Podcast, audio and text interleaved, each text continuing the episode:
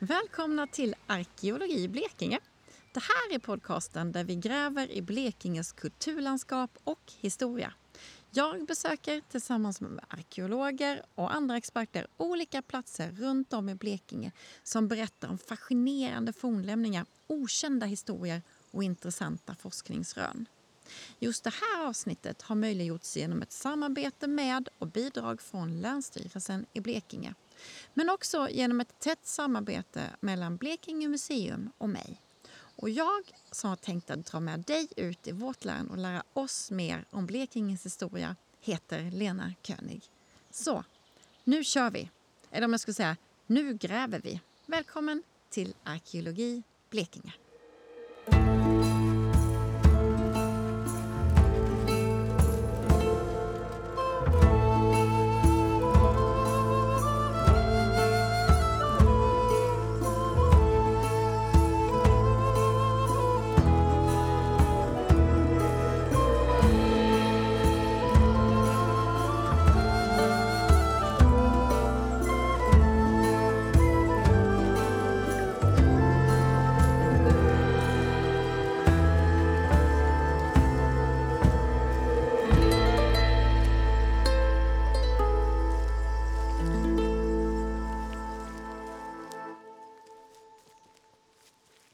I det här avsnittet besöker vi Store Backe, också kallat Snarket eller Snäket. Det är ett järnåldersgravfält som ligger utanför Jämjö invid Hallarumsviken. Gravfältet har uppmärksammats under de senaste åren då det dykt upp nya spektakulära fynd från området. Men också för att Blekinge museum fick en betydande donation riktad just till Snäket under våren 2021. Jag tar mig först till Binga, norr om gravfältet, för att där möta upp Inge Håkansson, som är den som donerat pengarna. Vi ses invid en flaggstång på en berghäll med milsvid utsikt över Hallarumsviken och gravfältet.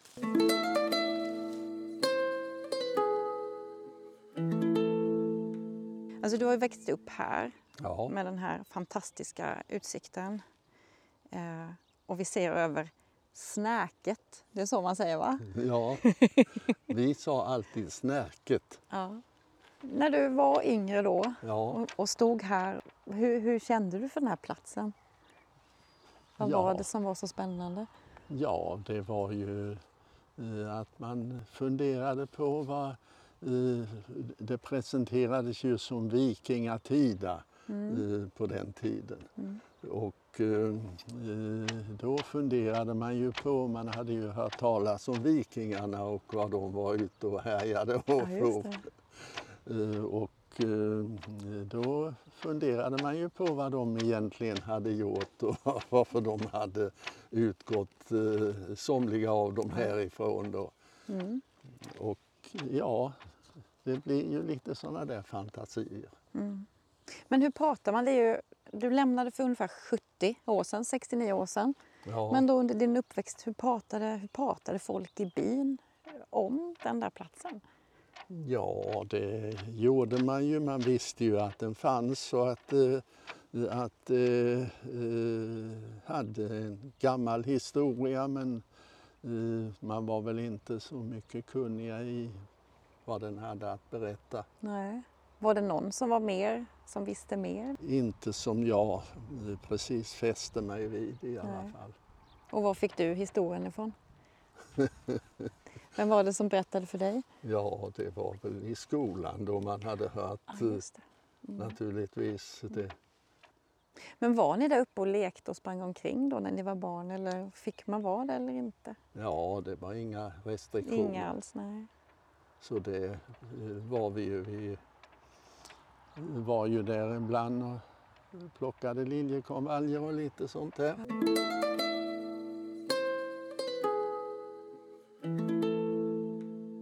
Men du, du har ju donerat lite pengar. Ja, Hur kom du på den idén? Vad var det som gjorde att du... jag trodde att de behövde lite förstärkning. Det var så. Men när, Det när, var så enkelt. när var det du bestämde dig? Det var väl så att jag hade ju sålt ett hus där uppe och eh, det blev ju lite pengar för det och då tänkte jag det kan vara lite roligt och eh, använda dem till någonting som intresserar folk. Mm. Varför är det viktigt tycker du? Jo, jag tycker det är rätt så viktigt att förstå lite grann av sin, eh, sin bakgrund och sin historia i Mm. livet. Mm. Ja, för många pratar om detta. Folk som liksom kör, man vet om att det finns men det, kunskapen här ute är inte jättestor om... Nej, om... det är det inte. Nej. Utan, och de vet inte eh, att historien här är ganska annorlunda än den historia som vi läste om i, i våra läroböcker i skolan. Ja. Det var ju, eh, den är ju synnerligen, eh, vad ska vi säga, eh, Mellansverige-orienterad eller centrerad. Kan du utveckla, vad menar du? Hur tänker du då? Ja, att det var något som hade hänt före vikingatiden. Mm. eh, När, eh, innan Uppland lyftes upp ur havet till exempel. Ja. Att det fanns eh, som, somligt som hade hänt även då. Mm.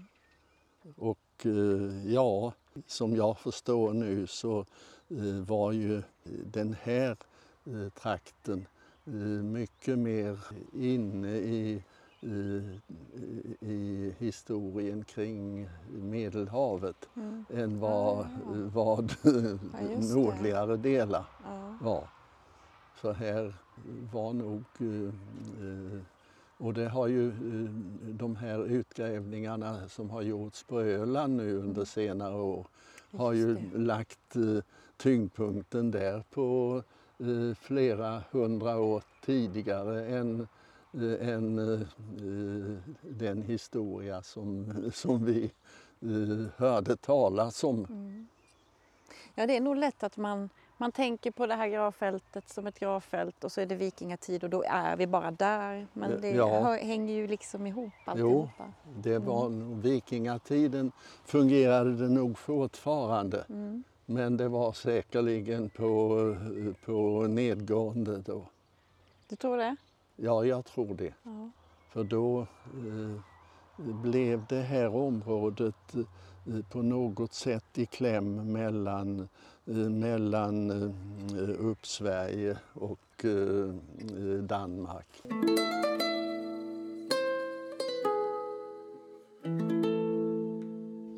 Ehm, jo, jag tänkte på din donation. Ja. Vad har du för önskningar? Vad skulle du vilja att, att de där pengarna och, och ditt bidrag att det, att det ger? Du, eh, i det fallet så litar jag helt på de här gubbarna här och ja, nu är eh, somliga gummor också väl förmodligen.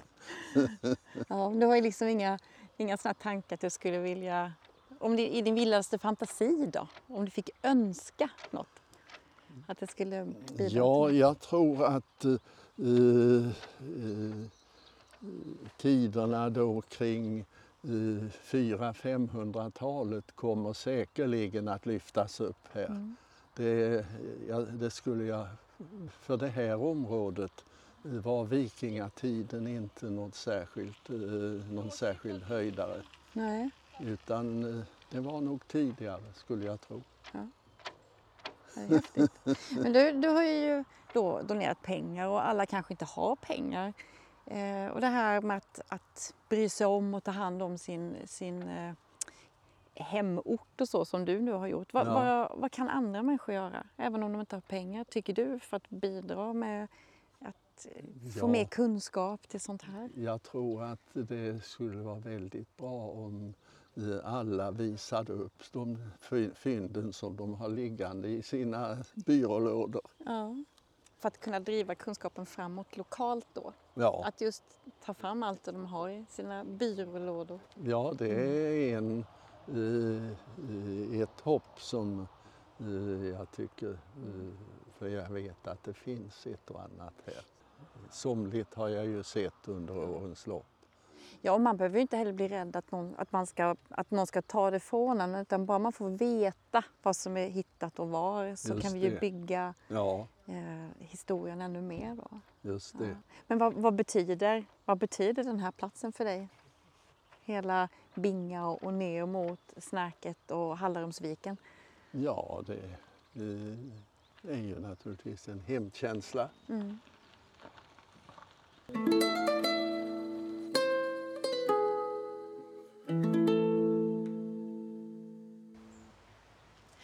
Binga tar vi bilarna ner till Gravfältets parkering. Där möts vi upp av Mikael Henriksson som är arkeolog vid Blekinge museum men även den som bäst kan berätta om denna spännande plats och vad de nya fynden har för betydelse.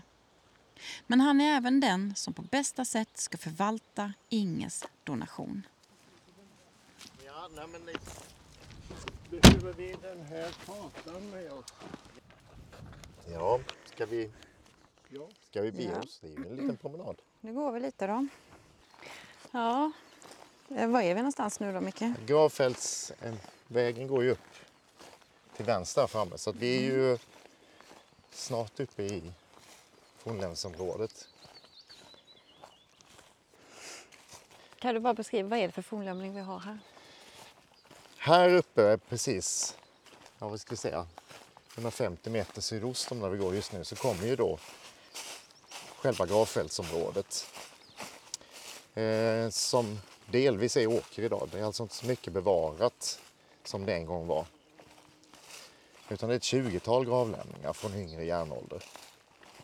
Mm, om du säger Inge Järnåld, vad pratar du om för tid? Det är... Alltså det som man tidigare har gått på är ju att det har varit mycket vikingatid. Mm. Och då pratar vi 800-900-tal framför allt. Gravfältets store backe eller Ja, Snärket. ja men där är ju det lilla som är kvar. Just det. Så det är ju egentligen den här dungen här. Det Men tänk då att hela det här fältet i princip har Ja, varit belamrat med gravar. Så är det 20 stycken kvar här Mm. så bör det ha varit ungefär 200 grovt räknat från början. Skulle inte du bara kunna bara beskriva eh, vad det är vi har framför oss här? Nu står vi mot... Söder, Söder. rakt söderut egentligen ut mot Hallarumsviken. Så på udden längst ut här är ju då gravfältet. Store Backe, Snärket. Och eh, det är ju inte mycket som man ser idag jämfört med hur det har varit från början. Ett, det är ett 20-tal lämningar registrerade i fornminnesregistret och det är skeppssättningar. Här är några resta stenar, några domarringar och några små högar och någon treudd är här väl också. Så på något sätt speglar det ju ganska mycket den här variationen som vi har på de blekingska yngre järnåldersgravfälten då med flera olika gravformer, yttre gravformer. Ehm, Det som är väldigt speciellt här är ju läget. Ja.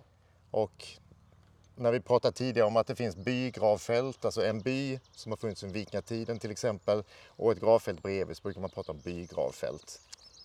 Men jag är ganska övertygad om att det är liksom flera byar runt omkring som har haft det här som en gemensam angelägenhet. För då har vi Hallarum rakt österut, vi har Hammarby rakt västerut och bakom oss har vi Binga. Mm. Så Och sen skulle det vara en, en, utanför sam, en samlad gravplats för de omkringliggande Ja. byarna då? Det måste det ändå vara. Mm. Så att forskningen på 1800-talet byter ju fot någonstans. Från att man tidigare har varit att här stod ett slag och alla fallna kämpar grävdes ner och därför blev det ett gravfält. Så blir det ju en mer eh, ja, civil utformning på, på beskrivningen. Att, att det är liksom bygdens gemensamma plats ganska mycket. Men det är klart, här är ju mötet med havet väldigt tydligt och eh, vi vet ju så mycket lämningar ut i viken och ut i skärgården som har bäring på den här platsen också. Som, som Ja, länk det. mellan landet och havet. Eh, Ja, för här har vi ett gravfält ju. Och sen finns det ju en jättekontext. Alltså, det finns grejer i vattnet. Det finns... det finns grejer i vattnet, det finns grejer på höjderna runt omkring. Och, och förstås i den plöjda åken här bredvid Ja. så har det ju kommit upp väldigt mycket fornfynd genom åren som, som då mer än antyder hur många gravar som har funnits här från början. För det är naturligtvis med 1800-talets mitt när, när uppodlingen behövs. När, när det verkligen är behov av ny odlingsbar mark. Då, eh, då är det många gravar som försvinner härifrån. När började man se eh, på kartorna att det fanns ett gravfält? När, när har man börjat nämna det? Vet du? Ja, så tidigt 1800-tal är man ju här. Då, då finns det ju de som tillvaratar eh, fornfynd. Mm. Några av de här äldsta samlarna i Blekinge. Jag tror Moses Söderström, amiralitetsapotekaren är här till exempel. Och, och så. Sen, den kände danske forskaren Vorso är ju på resa genom Blekinge och studerar just gravskicket under järnåldern. Nu vet jag inte om man är just på Stora Backe men, men just att man tar sig an och börjar omtolka de här miljöerna är ju betydelsefullt då på 1840-talet. Eh, Men då har det gått väldigt långt här. Man har nog odlat bort ganska mycket redan då. Eh, Och det är ju inte utgrävningar på det sättet som krävs idag. Det vill säga att man måste ha en ordentlig plan vad man ska göra och man måste redovisa det. Man måste få ett beslut från en länsstyrelse. Utan det var väldigt mycket att hade man kontakter med markägaren så kunde man gå hit och, och leta saker och sådär. Så att det är ju en annan tid. Så det finns ju inte samma krav på dokumentation. Det finns ju inte rapporter skrivna över deras grävningar då utan det finns fynd i Stockholm i Statens historiska museum där man säger ja men det är härifrån. Så det är inte alls den tydliga bilden som när vi kommer hit idag och kanske metalldetekterar ut och hittar dem på rätt punkt eller gräver fram en grav och tillvaratar saker ur de gravarna. Men nu har man tolkat platsen, om säg historiskt, tidigare. Historiskt så har det ju varit väldigt mycket den här eh, kopplingen till landskapet innanför och utanför. Det vill säga att det ska funnits en handelsplats här. Det finns ju en, en eh, lastageplats under eh, äldre historisk tid också. Alltså, vi, vi pratar ändå en, en, eh, en bondehamn här som har haft stor betydelse. Så det är väldigt, väldigt lätt att tänka sig att den har Vet man var då? Eh, Det finns ju vissa punkter som pekas ut. Jag vet inte, jag kan tänka mig att det, det har skiftat Ja. över tid. Men om man då har velat säga att, att just här på Store Backe har handelsplatsen funnits under vikingatid så, så lutar vi åt att det inte är här vi ska söka den idag. Nej. Utan det är mer uppåt Binga till exempel, uppe i bygden på något sätt. Men det här blir ju länken mellan omvärlden och hemmabygden. Så att det, den är oerhört viktig i den här handels och kontakttanken ändå. Eh, men det vi kan se i fyndmaterial som kommer utifrån åkern här det är ju att lastageplatsen finns här under 1600-1700-tal för det fyndmaterialet avsätts här. Men utöver det kommer det många, många fragment som är från järnåldern. Och det är framförallt Vendel och vikingatid. Och hur vet man det? Vad Ja, det? Vad Då är det ju liksom att, att föremål som är hittade kan ju vara fragment av större saker som man känner igen från andra samlingar eller, eller som man har hittat tidigare. Så att är det smycken som är väldigt tidstypiska så vet man ju på årtiondet när egentligen. Eh, och då, då kan man ju på något sätt ringa in kronologin på den här platsen. Och här finns eh, de äldsta föremål som är härifrån är neråt romartid, alltså att vi är ändå i låt säga 400-talet efter Kristus och de yngsta ligger kanske fram i 900-tal då så att det är precis på gränsen innan man sen skapar kristna kyrkogårdar.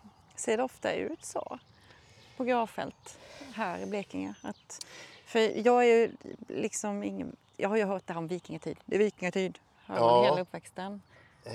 Vad ska vi säga? Det, det är klart att det finns många platser som har en kontinuitet där det till och med går tillbaka till bronsålder i sina äldsta skeden. Så det är ju traditionella platser som man gärna återkommer till och som ger bygden dess liksom, stabilitet på något sätt.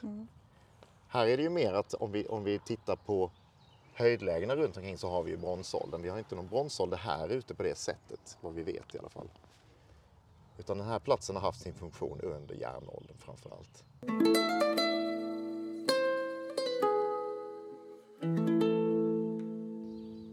Nu har vi ju uppmärksammats på ett antal fynd bara de senaste tre fyra åren egentligen som har sitt ursprung här i området. Och det började ju egentligen med att en privatperson lämnade in det här fantastiska mynthänget som är påträffat i Hammarby som ligger precis bredvid. Och då blir det ju en anledning att komma tillbaka och titta på de här platserna med, med nya ögon. Eh, och sen finns det då eh, detektormaterial helt enkelt från tidigare gjorda metalldetekteringar som har framkommit här. Och då var vi spot on på just Stora Backe och fick en anledning att komma tillbaka och verkligen titta på det. Eh, och därför, därför känns det som att cirkeln är sluten lite grann. Det har funnits tidigare Hallarumsprojekt och nu är vi tillbaka här. Mm. Och tack vare Inges donation så, så har vi liksom, det är verkligen en vitamininjektion för att, att komma med de här nya frågorna och med ny teknik och ja, nya ögon delvis ta sig an det här. Men om vi bara backar lite, det här eh, guldmyntet eller hänget ja. som är hittat Ja, upp bakom det är ju, det är ju grann, grannbyn till gravfältet här. Mm. Va, hur kan man dra någon koppling? Den kan du dra en exakt koppling. Nu förekommer jag en forskare i, i, eh, som håller på med guldmynt. Mm. Men han har hittat en exakt likadan Wow! På Bornholm. Yay. Och då pratar vi inte exakt samma guldmynt utan då pratar vi verkligen exakt samma guldmynt från samma tillfälle när de har slagits. Så att det kommer verkligen från samma eh, framställningssjok. Och sen har de liksom förflyttats på olika sätt genom Europa. Ja, det var präglat 435 eller 36 tror jag. Ja, just det. Så det, Det är kejsar Valentinianus den tredje. Ja. Och det är också så att det är infattat på precis samma sätt med en pärlrand och hänge. Så det är omgjort till smycke redan under forntiden. Och exakt likadant, precis samma finns på Sortemuld på Bornholm. Va, vad tänker man kring det då? Alltså den kopplingen? Ja, alltså jag vet inte, jag förvånas inte längre att det finns de här tydliga kopplingarna mellan alltså, yttre världen och Blekinge alltså under forntid. Så att för mig är det bara logiskt. Eh, Men det är naturligtvis kul att få ett sånt facit på ett väldigt spännande sätt. Eh, Och det är ju samma sak med många andra föremål som kommer i Blekinge-arkeologin just nu. Från det här gravfältet kommer ytterligare ett, ett guldmynt faktiskt som har lämnats in Okej. från en äldre detektering. Mm. Och det är ett sätt som kommer då publiceras i den publikationen som tack vare Inge blir möjlig. Mm. Så att det här, framförallt det fantastiska ryggknappsspännet som kommer här på Stora Backe. Ja, berätta lite om med det. Vad var det? Ja, det är ju lite längre ner på gravfältet Mm. så, så att det är inte här uppe där det finns bevarade gravar utan det är utifrån det plöjda området. Ja, okej. Eh, och då är det ju en person som gick här innan på den tiden, innan det krävdes tillstånd för att detektera. Som gick här på 80-talet och som lämnade in då ett större antal föremål. Och de spänner från det romartida skedet, alltså sen romersk tid och fram till vikingatid. Men det mesta kommer under vendeltiden, alltså skedet innan vikingatiden. Och Jaha, just det här ryggknappsspännet är ju ett sådant. Så att då ligger vi omkring ja, det är 600-tal. Och då är vi samtida med den famösa kvinnobåtgraven i Augerum till exempel. Mm.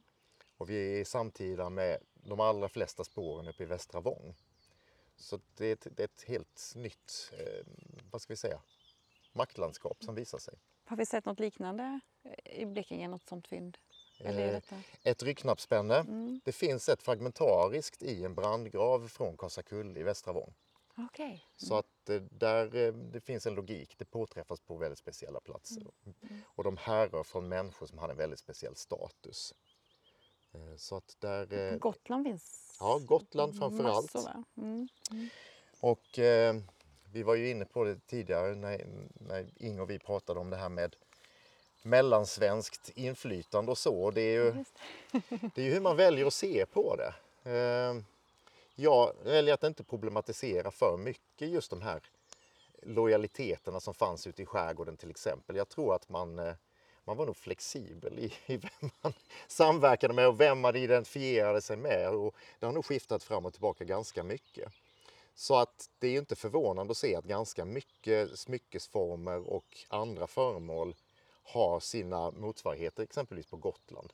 Eller till och med ännu längre upp i Mälardalen och så. så att, men vi har det också ner mot danskt, skånskt område och Bornholm förstås. Och långt, långt där bortom. Så att där, eh, där har vi liksom Blekinge i allt det här. Med liksom utblickarna och kontaktnäten tidigt. Men på något sätt så är det ju att om vi återvänder till Inges eh, syn på vikingatiden, att det går ut för. Det är naturligtvis en definitionsfråga, men jag, jag vill ju påstå att jag håller med på något sätt. För någonstans, kanske mot slutet av vikingatiden, så hamnar ju Blekinge lite grann i bakvattnet. Att man, man blir liksom inlämnad i eh, ett, en större maktsfär och hamnar ju under eh, kungamakten på något sätt. Så att det är inte så att det växer fram eh, stormannaätter som blir en del i det feodala systemet. Det växer inte fram eh, ett frälse som är lokalt i Blekinge som, som traderar makten utan det blir väldigt mycket att man, man på något sätt tappar bollen lite grann. Hur kommer det sig tror du? Väldigt bra fråga och det, är, det behöver forskas mer på det där. Men eh, vi har inte alls samma situation som, som till exempel nere i Skåne. Nej, men vad finns, vad finns det då från den tiden? Alltså någonting? Om vi pratar 1100-tal och 1200-tal, jag menar då är det ju uppe i byarna. Vi, vi ser ju inte det på gravfälten förstås för de Nej. brukas ju inte längre.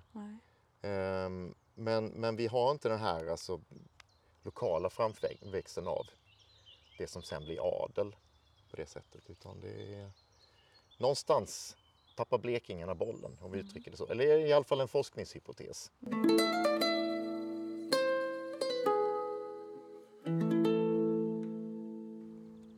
På tal om forskning, eh, ni har ju fått en donation mm. utav Inge. Vad, vad, betyder det? Att, att... Alltså det gör enorm skillnad. Eh, det är inte så att vi kan göra många års utgrävningar för det men det är, det är verkligen eh, ett betydande belopp på så sätt att det kan sätta igång saker. Här på Stora Backe så har vi ett stort material som egentligen aldrig publicerats på ett vettigt sätt så människor begriper det. Så det här får vi förutsättningarna och möjligheterna att göra en publikation som är tillgänglig för bygden och tillgänglig för människor som intresserar sig för vilka saker som faktiskt har kommit här, hur gamla de är och vad de säger om bygden, mm. det samtid. Så det är det första konkreta steget. Eh, och sen är det så att det sätter igång idéer på projekt som vi kanske har haft lurat på i 20 år men, mm. men aldrig haft möjlighet, aldrig kunnat motivera att vi ska få lov att lägga tid på det. Och där gör det väldigt stor skillnad. Ja, jag vet när man, folk ja. som, som har hört om den här donationen, så, ah, ska de gräva? Vi vanliga, ja. vanliga människor tycker ja, det, det balla. Ja, det är det klart. Och det, det, det är klart att man vill säga att men det är klart vi ska gräva. Samtidigt så vet vi att vi måste söka tillstånd från Länsstyrelsen så man kan inte förekomma det där allt för mycket. Nej. Och sen gäller det att gräva på en vettig punkt som vi vet nästan på förhand. Det här kommer ge bra resultat och ge mm. svar på frågor. Men vad är bra resultat? Jag skulle säga att den grävning som jag gjorde nere på gravfältet i mars förra året är ett bra resultat. Är det, är det ute? Det är ute på fältet, till längre vänster, ner. När man Ändå står längst ner, Ändå. yttersta delen av gravfältet. Ytterst, okay. mm. eh, där frågeställningen var var det här ryggknoppsspännet kom. Mm. Och då fick jag möjlighet att schakta fram en yta i anslutning till där det var utpekat. Och där kom den här nedgrävningsgropen väldigt tydligt. Mm. Så då kan vi sätta det här... Som han grävde upp på 80-talet? Precis, då kan vi sätta plats i kombination med fynd och säga helt säkert att, att den, den faktiskt grävdes upp härifrån. Mm. Och i det schaktet så såg jag att det fanns resterna av en delvis bortplockad domarring. Så då blir det liksom den gamla kunskapen, fyndet, vi för det till platsen och får en ny berättelse från platsen. Eh, och då växer ju det här gravfältet, bilden av det här och den berättelsen på ett ganska oväntat sätt. Så att små systematiska utgrävningar eh, kan ge svar på väldigt, väldigt viktiga frågor. Mm. Men eh, det är också, man måste vara ödmjuk och säga att ja, men, under året här kan det vara så att vi får ny kunskap som sätter liksom, oss på ett annat spår. Mm. Och jag är ju väldigt nyfiken på hur arkeologin ser ut i byarna runt omkring. När mynthänget lämnades in till exempel, då visste vi att det var hittat vid jordbruk uppe vid Hammarby. Men vi visste inte alls var. Ja, då fick, fick vi försöka lägga ett pussel då. Ja, men han som, som en gång hittade, var hade han gården och vilka områden brukade han? Ja, det var väl ungefär på 40-talet kanske, så får man lägga det pusslet. Men om man tittar runt omkring här i bygden, de här fantastiska liksom, välvande åkrarna och fantastiska boplatslägena inte minst, så kan det ju finnas Alltså det, det är en nål i en höstack att tro att man är på rätt ställe när man tittar på en höjd och sen kanske höjden bredvid hyser fantastiska lämningar. Men hur viktigt är det att man hittar platserna eller är det viktigare att, att man bara från ett område får in material? Alltså att man kan se... Ja, det beror ju på, för den, för den lilla respektive stora berättelsen på något sätt. Mm. För att det här är ju ett område som traditionellt av den äldre forskningen har kopplats som en centralbygd i Blekinges järnålder.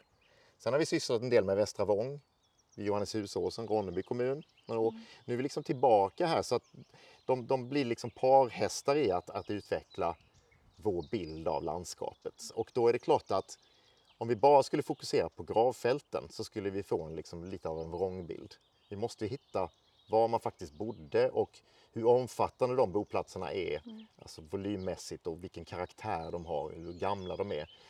För annars kommer vi inte kunna rekonstruera det här landskapet. Och därför är det jätteviktigt att tänka att vi ska fånga upp liksom alla de här byarna runt omkring. Det är alltså Binga, Hallarum och Hammarby till exempel.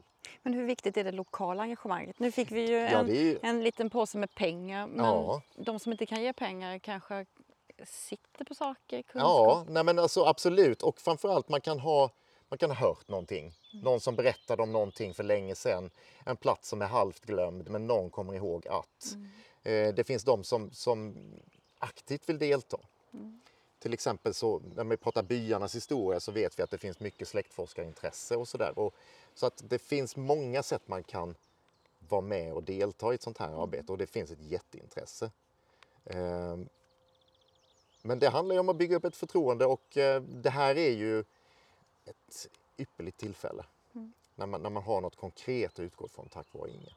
Kanske inte är självklart för, för folk att de vet att de har någonting men det kanske inte har så stor Nej, betydelse. Nej, men precis. Och ibland så förstår inte folk att de där små sakerna kan göra jättestor skillnad. Mm. Nu, eh, direkt efter Inga hade varit med i radion här så, så fick jag något mejl via museet. Mm. Och då var det någon som hade dåligt samvete för hans dotter hade hittat någon flintskrapa minns inte vilken ö det var, jag har det ju förstås i mejlen. Men, men ja, vi hade ju tänkt lämna in det och sen så försvann den i bilen någon gång och sådär. Men jag tänkte att kunskapen om det kanske är viktig ändå och det är det ju mm. faktiskt. Ja. Så plötsligt kan man komma vidare med någonting där. Ja, men då finns det stenålder där. Så att, mm. Det blir inte alltid vad man har tänkt sig men det kan bli någonting annat bra ändå. Mm. Eh, och vi vet ju att i en sån här bygd, de sakerna som folk visar upp är ju fantastiska. Så mm. det är ju pusselbitar som i stor utsträckning fattas. Ju. Men om man nu kommer med någonting, man har något riktigt fint ja. eh, och det inte är sten, det kanske är någon metall. Alltså, många kanske håller i det därför att hur annars blir man av med det och vi har alltid haft det. Och, hur, och, hur rädd ska man vara för att ni kommer med pekpinnen och snor prylarna då? Ja, alltså det beror ju lite grann på för det, det är fel att säga att man kan bara lämna någon slags öppenhet i det här. För det finns ju saker som måste utredas av staten om det, mm. om det skulle komma en stor vikingatida silverskatt till exempel. Så, men då finns det ju alltid inlösen, men då finns det inlösenplikt så man måste ju lämna ifrån mm. sig det förstås till staten. Eh, men sen är det klart, om man har en stenyxa som ens farfar hittade på en åker, då är det inte så att den, den ska lämnas in, utan då är det mest platsen och föremålet, alltså, som är, alltså kunskapen om det som är det viktigaste. Mm. Utan det är när det kommer till ädelmetaller, då, då, då finns det en lagstiftning som är hårdare så. Men den, måste, den gör mer nytta hellre i ett arkiv på ja. Rosenholm och att man vet var den är hittad än i en byrålåda? Då? Ja, fast helst i en utställning så den blir ja, tillgänglig ja. förstås. Så I en det, förlängning ja. Ja, jo, nej, men det är väl det och det ska man ju försöka bli bättre på så mm. det inte bara hamnar i lådor utan att det faktiskt finns. Och där finns det ju alla förutsättningar att, att idag faktiskt se fram emot en ny basutställning i Karlskrona som skulle kunna svara mot all ny kunskap ute i östra Blekinge. Mm.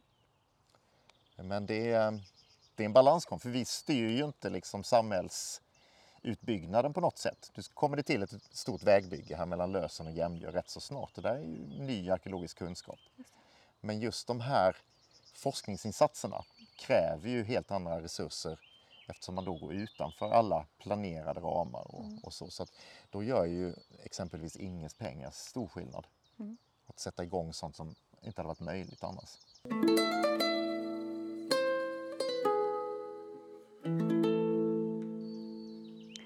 Eh, jag vill bara flytta ut oss i vattnet lite. Ja, eh, men då det går finns... vi... Vi kan ju ja, gå, ner gå ner där domarringen var. Mm. Om det går att gå i åkern. Mm. Ja, kan, vi inte, kan du inte bara medan vi är här, bara göra en halvhalt och liksom, vad är det vi ser här? För det fortsätter ner. Nu går vi till höger. Ja, precis. Och du ser ju i, på, i åkerkanten här, åkerrenen, att det är ju väldigt mycket sten som är upplyft. Mm. Och det har man ju hållit på med i 200 plus år ja. och röja sten härifrån förstås. Eh, Och här är en domarring strax innanför och här är ju... Det går ju ända ner i impedimentet egentligen. Så man har ju tagit den lättast brukade marken i anspråk, tagit bort stenen. Men ser man det på andra ställen också? Har man inte känt det här att oh, man ska inte, att, för de har ju ändå vetat att det har varit gravar här. Dummare så har de väl inte varit? Ganska... Nej, men jag vet inte. Alltså, ibland så finns det ju uppgifter om att det är liksom tabubelagt och liksom det är förenat med liksom mystik och fara att, att röra gravfälten. Men eh, när man har kommit över en viss gräns verkar inte det ha spelat någon roll. Nej. Och när tiden har gått. Alltså vilket fantastiskt läge det här Ja. gravfältet har med ekar och denna utsikt. Och som friluftsområde är det ju fantastiskt också. Ja. Här är ju många som rastar sina hundar och många som har sina picknickar och utflykter. Om man kommer hit som besökare nu och går ut och står här och så. Ehm, Ja, då får man ju föreställa sig hur mycket större det här gravfältet har varit. nu är det 20 Det finns 20 Ja. lämningar. och vad är- man? Och alltså det, egentligen är det ju en enkel matematik. Man får ju ta den, den topografiskt bästa ytan egentligen och försöka mångfaldiga det. Men alltså 200 gravar minst. Men egentligen så gör man ju ingen sanktionerad professionell utgrävning här förrän, förrän det är väl 2000 man är här från Blekinge Museums sida. Och då är det bara några meter i den riktningen som, som det kommer fram. Man rensar fram en, en stor stenpackning och en, vad som bedöms vara en bålplats där man har kremerat då människor. Eh, och där kommer till exempel de här spelbrickorna av, av ben och så. Eh, så att det var väl egentligen första gången som någon av de här lämningarna har varit framme på det sättet. Fram tills mars förra året när jag grävde då på det lilla höjdpartiet här framme. Så att det har gått gravar i sådana fall Ja, hela, hela vägen, till dit lilla... ner. Sen förefaller det som att det är den liksom sida, det är avslutningen, Mm. den domarringen som har stått där. Och låt säga att den har varit då kanske från 500-talet på något sätt så, så eh, har ju den säkert varit en markör utåt för de som kommer hit. Alltså platsen eh, har ju haft sitt, sitt avslut i den lämningen på många sätt. Men om vi tän- tänker då att vi har gått och metalldetekterat här, vilket vi har gjort ju i anslutning till eh, grävningen, så, så kommer det ju fragment. Det kommer ju över hela åkern egentligen. Eh, och det kommer till och med ut på åkermarken på andra sidan, alltså ner i sänkan. Sånt som känns gravmaterial, inte boplatsmaterial. Nej. Smyckesfragment från, från järnåldern. Så att det är verkligen... Vi ska nog inte underskatta hur stort det här gravfältet har varit. Och sen ska vi inte, vi ska inte bara betrakta det här som en förvaringsplats för de döda utan det är ju allting vad som följer med, det vill säga ritualer, traditioner knutet till liksom liv och död. Ja, Alltså vad, vad just- vet man från den tiden om Eh, det? Om vi med den tiden säger vikingatid så vet man ju rätt mycket. Men ju längre Okej. bak det går desto mer besynnerligt blir det för oss att förstå. Vi har ju inte skriftmaterialet att vända oss till egentligen. Nej. Så det blir någon slags allmän germanskt tankegods vi får på något sätt vända oss till, om vi ska kalla det för det. Och eh, om vi tar exempelvis då det här ryggknappsspännet som kommer här. Då är det ju extremt överdimensionerat. Det finns jättemånga ryggknappspännen på Gotland men de är ofta mindre och de är ofta ganska sena. Den här stora och tidiga typen som är hur från, stor? Pratar då är det ungefär 27 centimeter. Och Eh, vad hade... Vad, det har ju suttit över halsen på en kvinna, en väldigt prominent kvinna. okej. Och eh, forskningen som har varit kring de här överdimensionerade ryggknappsspännorna sätter in det i Freja-kulten. Eh, Att det har en tydlig koppling till kvinnor i aristokratin som har haft funktioner kopplade till det. Så att det, det finns de som, som eh, förknippar det med Frejas smycke Brisingamen. Och att det liksom på något sätt, bär man det så är man hennes representant i olika ritualer. Fun- Kan du berätta mer om henne? Bara? Om Freja. Ja, någonting. Ja, alltså det är ju, ursprungligen så är det ju fruktbarhetskulten man, man kommer in i där. Så att det är ju någonting som sen man brukar säga traderas vidare i Mariakulten. Så att, Mm. Sen finns det ju så många sidor av det här så att man, kan ju, man snubblar ju direkt när man ger sig in och försöker. Ja, men då förklara försöker vi inte det. Nej, men det säger ändå någonting. Och, Ja. eh, det här är ett... När jag grävde mig ner här och, och hittade platsen där det var uppgrävt ifrån, Mm. mitt i en domarring, då är ju inte det graven i sig för smycket, men smycket har begravts i kanske en av de viktigaste platserna på gravfältet. Smycket har fått sin egen grav. Det är inte så att en person med ett smycke har fått en grav. Utan det är ett smycke som har begravts i sig självt. Det har destruerats, förstörts och sen deponerats på den här viktiga platsen på gravfältet. Och varför? Ja, där finns ju många olika ingångar att forska vidare på det. Det är så att i Norge så har flera av de här överdimensionerade ryggknappsspännena man har kunnat bevisa att det är nästan museiföremål när de väl hamnar på gravfälten. Så att de har haft funktioner i samhället under väldigt, väldigt lång tid. Så det är arvegods mer eller mindre. De är helt ur mode sedan 150 år tillbaka i tiden när de hamnar tillsammans med andra föremål i gravar till exempel. Och just det här att det då förmodligen på rituellt sätt har destruerats och sen begravts. Det säger ju liksom någonting att det här är man dödar ett föremål, det ska gå vidare på något sätt. Och, och, eh, det har väl kanske varit en brytningstid. Viktiga personer kopplade till ritualer och traditioner har gått ur tiden och, och då ska även det här föremålet gå vidare. Gud vad spännande. Eh, Så det är ju ett av de största som är hittade i Skandinavien. Men det är ju i, i, i flera delar. Så det är ett komplicerat projekt bara att tänka, pussla ihop det. Eh, Men då hittade det ju in i Inges publikation här i alla fall. Det är det första stället som det kommer publiceras i. Så det är väldigt spännande att se hur vi tar det vidare därifrån. Grävde, då grävde du ut hela, vad hittar man något mer än det? Eh, vi skulle ju egentligen leta ut den utpekade punkten där det här kom. Så då blev det ju att, att först lokalisera det och det, det tog ju lite tid. Det var några meter ifrån. Det var ju ändå sedan 80-talet så att det var inte en exakt minnesbild. Så att det blev ju en ganska stor yta som togs upp och då kom den här delvis bortplockade domarringen. Här kom eldstäder och, och lite andra anläggningar. Så. Eh, Kol 14 datering från en av eldstäderna, då hamnade den ner i romersk tid. Så att man har ju varit på den här platsen tidigt och ianspråktagen den på olika sätt. Du är ju luttrad, duktig och eh, välmeriterad arkeolog som har gjort mycket. Men kan inte, du, Ja. kan inte du känna när du kom så att man skulle bara vilja bana av Jo, alltihop? absolut. Det är, men det, då är det en kostnadsfråga. men Vad, sku, vad skulle en sån sak kunna ge eh, Ja. hela kontexten och bygden och denna delen av Blekinge? Vi hade ju nog fått en väldigt, väldigt detaljerad bild av gravfältet och liksom olika, om vi hade fått datera, alltså till exempel med, med naturvetenskap, så hade vi kunnat få de här olika faserna, hur det har vuxit fram i någon del och sen fortsatt och vad som är sluttampen på gravfältet. Eh, Men det är ju nästan en absurd tanke att man skulle få lov att göra det. Så att... Men det är ju på en sån här plats man skulle kunna göra det. Vi skulle inte kunna göra det på Jotahammar gravfält eller Hjortsberga gravfält där det finns så mycket gravar kvar. Nej. Så att Nej, man har ju mer ändå- fritt spelrum här att göra olika utgrävningar. Eh, Men du, om vi nu tittar bara, för jag, som jag sa, jag vill längre ut vid havet också. Ja. Det finns ju en fornborg vid Tomtö. Tomtö. Vi har pålspärrar Ja. och så. Hur hänger det här ihop? Finns, hänger det ihop? Ja, alltså pålspärrarna får man ju då tänka att de kan ju ha bättrats på och förändras med tiden. Så att de dateringar som vi har där kan ju gå fram i senvikingatid. Men det säger ju ingenting om när de har tillkommit kanske. Nej. Så det är lite problematiskt.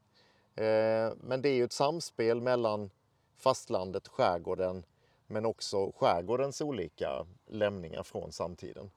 Och eh, det är ju där vi kommer in på de här berättelserna om vilka eliter som har verkat här och vad de har haft för funktioner och lojaliteter och har de uppburit, kunnat ta in skatt från de som har färdats här till exempel eller är det militärt övervakningssystem som vi ser. Och problemet är väl att det är väl lite av allt. Och när det är väldigt många platser så, så är det nästan svårt att se skogen för alla träden. Eh, Och vi hittade till exempel en helt ny plats för några år sedan ute på ön Öppenskär som var helt okänd tidigare och som plötsligt pockar på uppmärksamhet. Och då är det de här traditionstyngda platserna som, som Stora Backe till exempel tillsammans med helt nya upptäckter som, som får liksom vävas in i den här berättelsen. Men det är ju nästan övermäktigt för att man inser med den här skärgården kan ju komma på vilken ö som helst, vad som helst, hur som helst. Så att det, man får vara ödmjuk i det där att, att ja, färdvägen kan bli en annan nästa säsong bara. Men det är ju helt klart så att vi har många spektakulära fynd ute på öarna. Eh, och det är ju inte minst de här ädelmetallfynden med, med svärdshjalt, brakteater och sånt från järnåldern som talar för just att det har varit rika ekonomier här som har verkat som har varit förankrade på olika sätt i bygden och haft väldiga kontaktnät långt utanför Blekinge. Så att här finns extremt mycket att jobba vidare på. Så mycket frågor. ja. Gode värld. Sen har vi hela den här höjdryggen Ja, hela vägen och det finns eh, gravrösen från bronsålder då. ja det gör det. Eh, och nära eh, tegelbruket vid Hallarum så kommer det ju depåfynd från bronsålder så att det finns ju offermiljöer också. Och eh, återigen är det ju boplatserna som jäckar oss. Vi har ju inte de här liksom husområdena som vi har grävt som vi kan datera och kan säga här bodde normala människor eller här bodde mer spektakulära människor eller hur vi ska uttrycka det. Så att där är ju Torhamnslandet jättebesvärligt. Det blir ju som, som min tidigare kollega Thomas Persson pratade om, nästan en nekropol. Det blir väldigt spektakulära alltså hällristningsmiljöer och gravmiljöer. Men vad är de levandes miljöer? De vet vi väldigt lite om än så länge.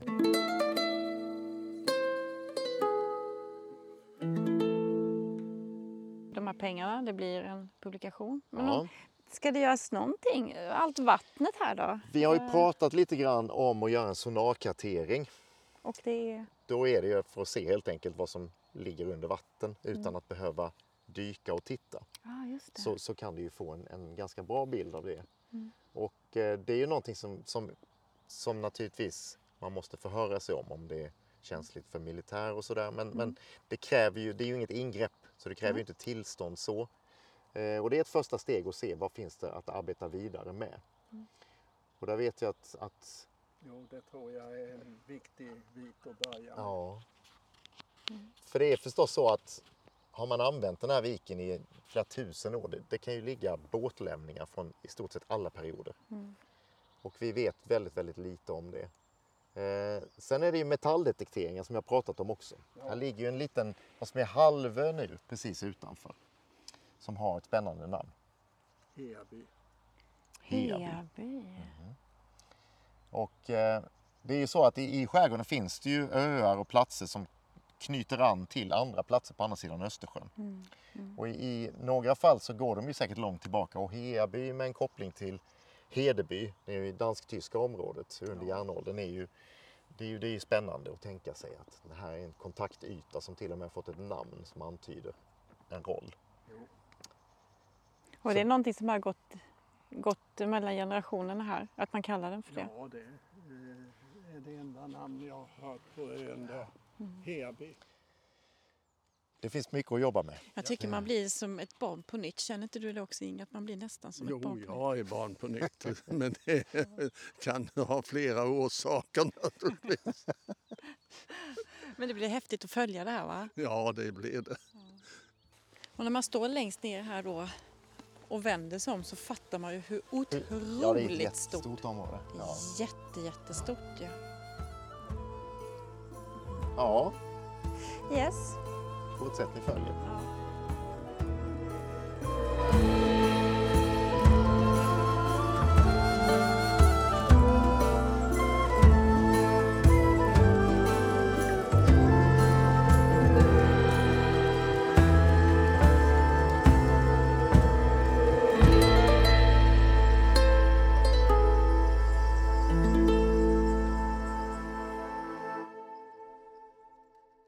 Vill du höra fler avsnitt från Arkeologi Blekinge? Då kan du bland annat hitta dem på Blekinge museums hemsida eller på Spotify och där söker du på Arkeologi Blekinge. Tack för att du har lyssnat.